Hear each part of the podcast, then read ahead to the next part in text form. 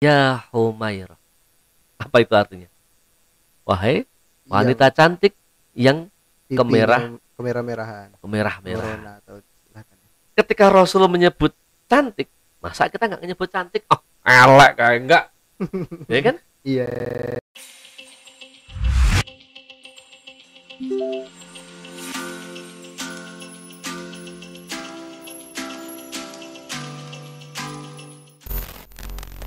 Bismillahirrahmanirrahim. Assalamualaikum warahmatullahi wabarakatuh. Waalaikumsalam warahmatullahi wabarakatuh.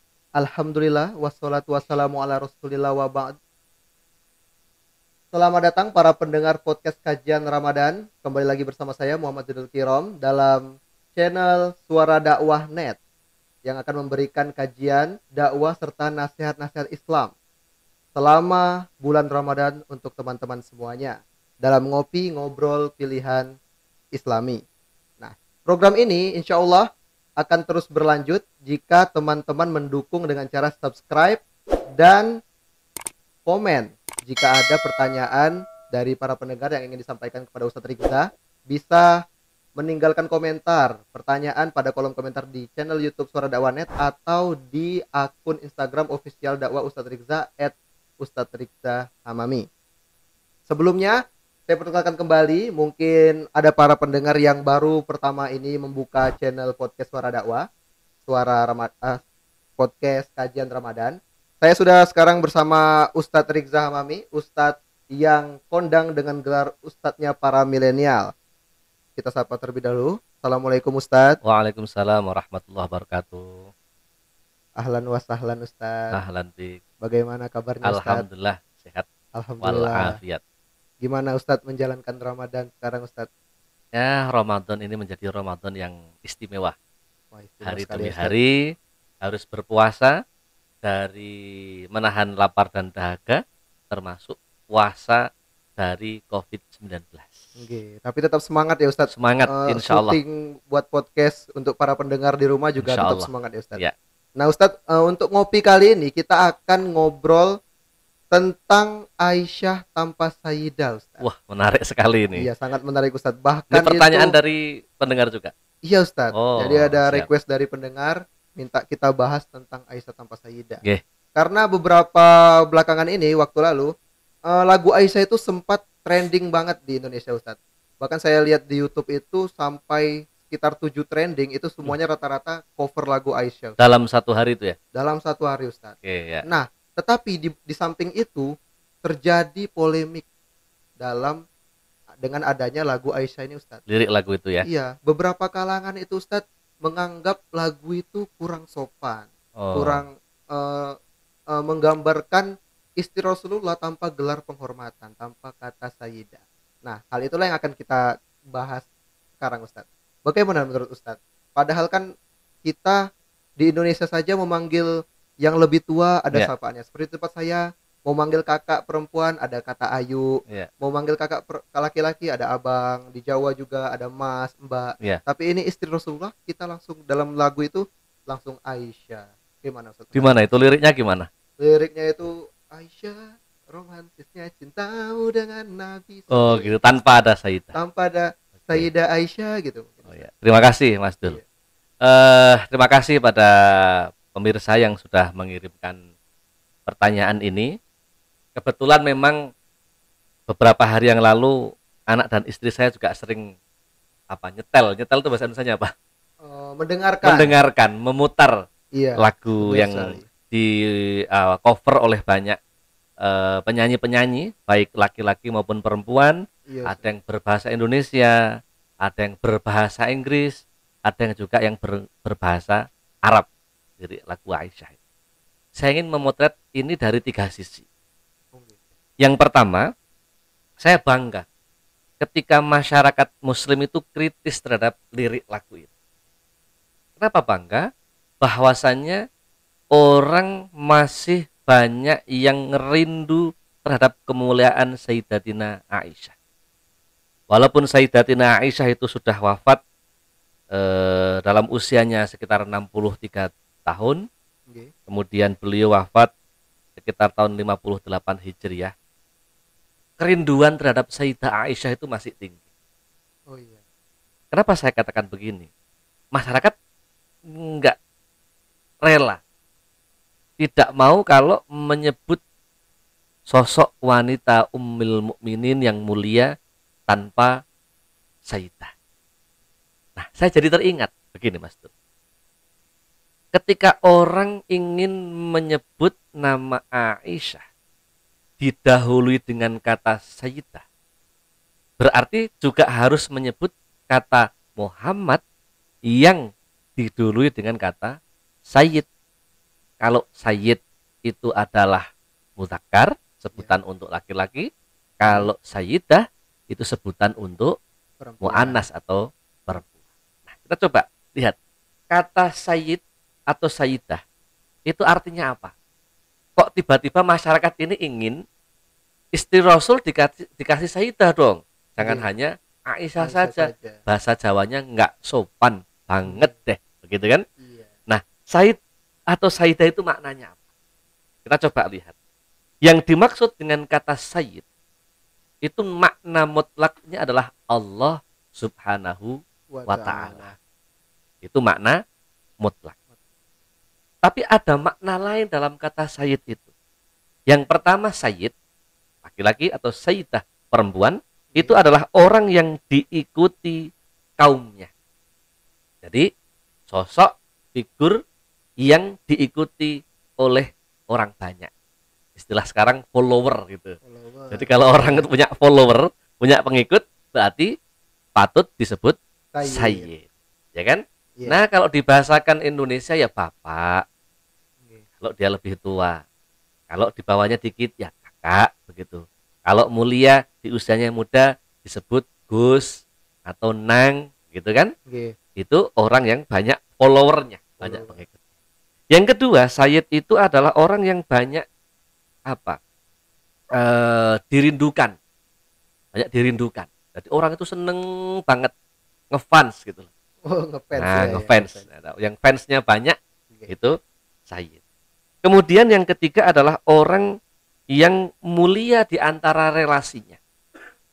Figur sosok yang di antara relasi-relasi robitoh-robitoh ini dia itu dimuliakan. Karena kemuliaan ini bukan dia minta tidak, tetapi hadir dengan sendirinya.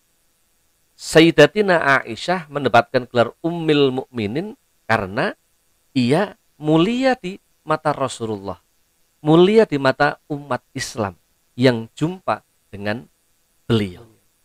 Maka tidak salah kalau kemudian para jamaah, para umat Islam ada yang dalam tanda petik mengkritik lirik Aisyah yang tidak ada Sayyidah. Yang kedua saya mau bicara begini. Buat lirik itu tidak gampang. Oh iya. Baik lirik yang berbahasa Indonesia, berbahasa Arab atau yang lain. Ada ilmu sastra. Kalau dalam bahasa Arab ada ada namanya ilmu arut itu ada bahar yang namanya bahar towil, bahar rojas, kemudian bahar hasdu dan lain sebagainya. Itu kalau liudoru roti syiari, ya karena daruratnya syair itu ya tanpa ada kata atau sayyidah atau apa itu nggak apa-apa yang penting adalah itu syair-syair kemuliaan. Tetapi yakinlah bahwa lirik ini dibuat dalam rangka untuk memuliakan Sayyidatina Aisyah radhiyallahu anha. Nah, problem kedua saya bangganya begini. Loh berarti ini kan orang sedang rindu terhadap Nabi Muhammad yang harus disebut dengan Said juga. Okay, Maka betul, ketika betul. kita bersalawat, sebaiknya etikanya adalah Allahumma sholli ala Sayyidina Muhammad. Loh Ustaz, itu apakah Muhammad mau disebut dengan Sayyid? Sebentar. Sekarang Mas Dul manggil saya langsung Rikza, berani enggak? Tentunya nggak sopan lah. Nggak sopan kan? Ya. Jangankan jenengan ke saya, saya ke Mas Dul saya manggil Dul gimana kabarnya? Kan? Iya. Nggak nggak bagus kan? Tapi ketika saya nyapa Mas Dul lebih muda dari saya di sini juga santri. Mas iya. Dul gimana kabarnya? Bang Dul gimana kabarnya? Gitu kan? Lebih jadi ada ada adem. okay. orang yang lain mendengarkan juga juga enak. Orang tua kita juga begitu. Di lingkungan keluarga saya manggil yang gede kakak manggil yang nomor dua adiknya harus manggil mas jadi oh, iya. beda mas dan kakak ini. Kakak itu yang perempuan di keluarga, kemudian mas itu yang laki-laki. Biar yang kecil itu menghormati dengan kata, nggak pernah menyebut nama langsung. Nah, Kemudian yang selanjutnya begini. Kok sampai yang namanya Siti Aisyah, putra dari Said Abdul, uh, Abu Bakar. Kemudian putri dari Siti Ruman. Harus dimuliakan kenapa? Oh, jangankan Siti Aisyah. Ibunya Siti Aisyah, istrinya Said Abu Bakar. Itu Rasulullah pernah bercerita begini, Mas. Barang siapa umatku yang ingin bertemu dengan bidadari yang besok ketemunya di akhirat itu. Lihatlah ibunya Siti Aisyah, Siti Ruman. Loh, ibunya saja seperti bidadari, apalagi anaknya Sayyidah Aisyah. Dan Siti Aisyah mulia banget ketika teman-teman para jamaah juga ingin menyebutnya dengan Aisyah. Apakah harus di cover di lagu itu atau di luar? Yang penting ketika menyebut Aisyah walaupun tidak dilafalkan dalamnya Siti Aisyah. Nah, Siti Aisyah ini memiliki apa? Kemuliaan. Tujuh kemuliaan yang dilukiskan yang dimiliki oleh Sayyidatina Aisyah. Karena ini istrinya Rasulullah yang betul-betul dikatakan setia, kemudian tulus, ikhlas, bahkan pencemburu. Jadi karena dia masih muda gitu kan, iya. cemburu. Ketika Rasul menyebut Siti Khadijah, dia cemburu. Menyebut Siti Sofia, dia cemburu. Karena apa? Saking sayangnya kepada Rasulullah Shallallahu Alaihi Wasallam. Apa tujuh hal tadi yang saya maksudkan? Sehingga orang ini harus memuliakan kepada Sayyidatina Aisyah. Bahwasanya profil kalau sekarang DP gitu, oh, iya. apa namanya? E, profil gitu kan? Profil, ya, profil. Profilnya, fotonya, foto. foto, fotonya Siti Aisyah. Itu dibawa oleh malaikat Jibril. Diberikan pada Rasulullah. Kalau istilah anak zaman sekarang itu kan Mas Dul punya calon kekasih gitu kan. Wah. Tanya Pak Rizal fotonya mana? Ini yang bawa fotonya Aisyah, bukan orang biasa, malaikat Jibril. Kasihkan pada Rasulullah. Ya Rasulullah. Dulu udah ada foto nggak tahu pakai kamera DLSR atau pakai atau pakai kamera HP. Iya. Intinya ada surah, ada perwajahan, ada profil, ada fotonya yang dibawa oleh malaikat Jibril, Jibril diberikan kepada Rasulullah. Rasulullah ini orang mulia. Sehingga Rasulullah menikahi Sayyidah Aisyah termasuk kemuliaan yang kedua dalam kondisi gadis. Termasuk Siti Aisyah dinikahi dalam usia tujuh tahun.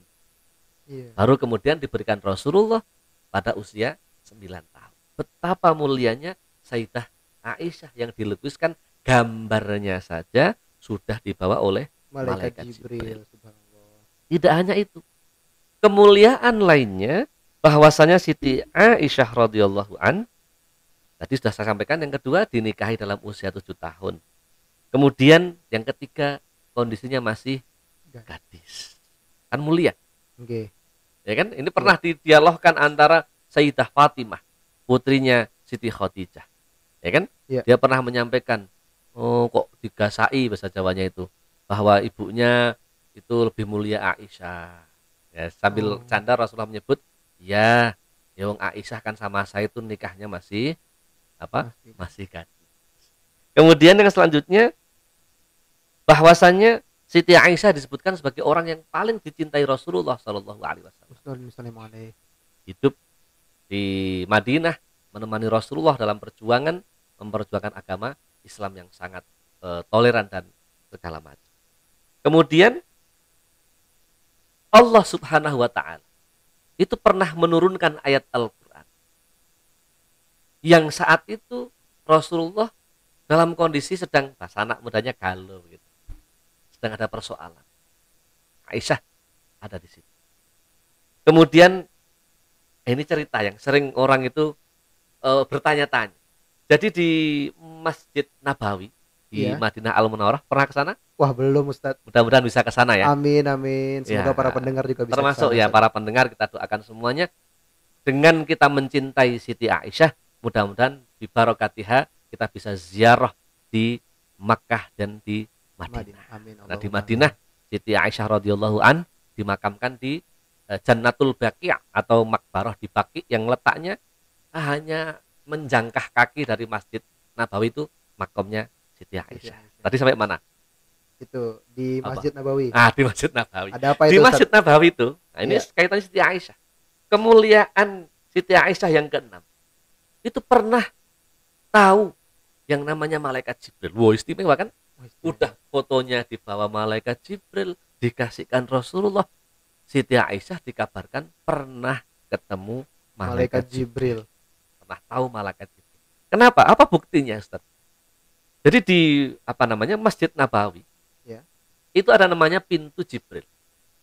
Ada pintu Iya. Jibril. Kalau saya nyebut sebelah kiri kalau kita menghadap kiblat itu sebelah kiri itu pintu Jibril ke arah makam Baki.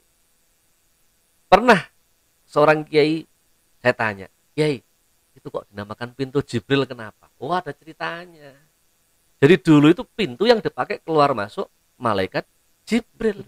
Yang Aisyah, Siti Aisyah tahu malaikat Jibril lewat pintu itu. Maka sampai hari ini pintu itu dinamakan pintu Pintu Jibril. pintu Jibril tepatnya di Masjid Masjid Nabawi di Madinah Al. Munawwar. Sungguh mulianya Siti Aisyah, masya Allah. Kemudian ini yang tidak semua orang bisa menjumpai peristiwa yang bisa dirasakan oleh Sayyidah Aisyah. Apa itu? Yang terakhir ini Ya, apa itu Ustaz? bahwa Rasulullah Shallallahu Alaihi Wasallam kembali ke haribaan Allah Subhanahu Wa Taala. Yang menemani siapa? Apa itu? Ustaz? yang menemani adalah Siti Siti Aisyah dan malaikat juga ada di samping. Inilah di antara kemuliaan. Maka saya sepakat dengan para jamaah kalau menyebut keluarganya Rasulullah Shallallahu Alaihi Wasallam, Rasul disebut dengan Sayyid Sayyid. Muhammad, keluarganya, istrinya, sampai sekarang zuriyahnya Rasulullah, ya sebaiknya kita sebut dengan Sayyidah Sayyidah. atau Syarifah atau Bu atau Pak atau Habib begitu. Ini memuliakan. Karena apa? Rasul berpesan pada kita. Adibu auladakum ala salasi khisal.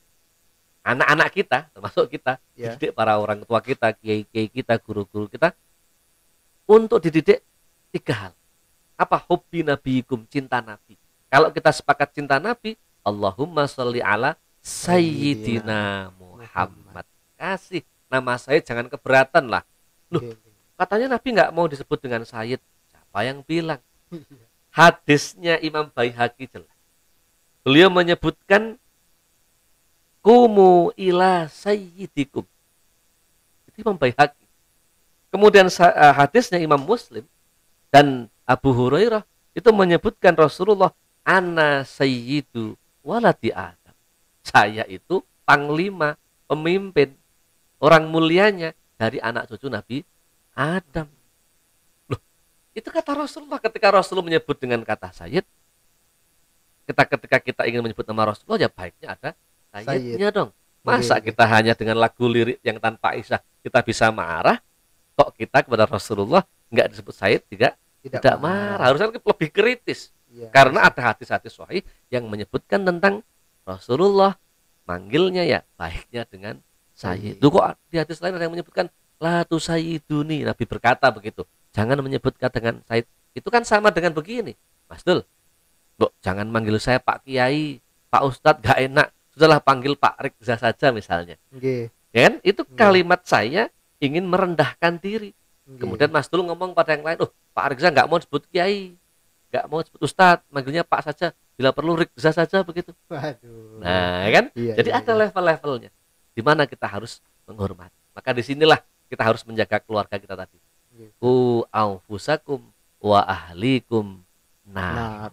Jagalah diri kita, keluarga kita dari jilatan api Neraka. neraka. Bagaimana caranya? Yuk kita muliakan anak cucunya Rasulullah Shallallahu Alaihi Wasallam. Kita gelar maulid, kita gelar maulid Nabi, kita gelar majelis majelis solawat, terutama dalam suasana COVID-19 ini. Yuk kita banyak bersolawat. Untuk apa? Untuk menurunkan rahmatnya Allah Subhanahu Wa Taala. Doa Rasulullah Shallallahu Alaihi Wasallam yang panjenengan ketika rasakan masya Allah, ketika kita betul-betul bisa hadir di depan makam Rasulullah, bisa di raudhah, wah getaran getaran di situ sangat luar biasa. Spiritualitas kemudian nilai-nilai sejarah itu akan kita ungkap. Maka ayo para generasi muda hormati anak cucu Rasulullah Shallallahu Alaihi Wasallam. Sepanjang lirik itu bisa dirubah kasihlah dengan apa? Tadi sayyidah. Sayyidah. Tapi kalau tidak bisa, walaupun mengucapkan tanpa saidah, dalam hati Dalam kita hati sebutkan kita kata sebutkan Sayyidah. saidah. Kan sudah ada juga lirik yang baru-baru sudah dikasih bunda. Oh, Oh, iya. enggak saidah tapi tapi bunda kan sama aja kan? Itu Iya, bahasa. Indo, Bahasa Indo. Indonesia. Saya kira itu Mas pokok-pokoknya di situ.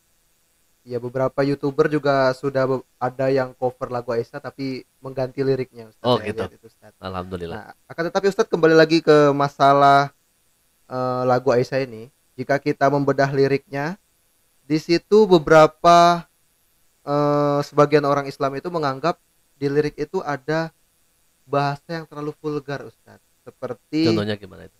eh, menggambarkan istri Rasulullah eh, cantik, putih, Iya. kulitnya mulus, Betul. bahkan eh, Nabi minum di bibir Bekas bibir. bekas bibir Sayyidah Aisyah. Ah. Nah, itu menganggapnya terlalu vulgar. Ustaz. Oh gitu. Nah, Gini, menurut lu gimana Ustaz?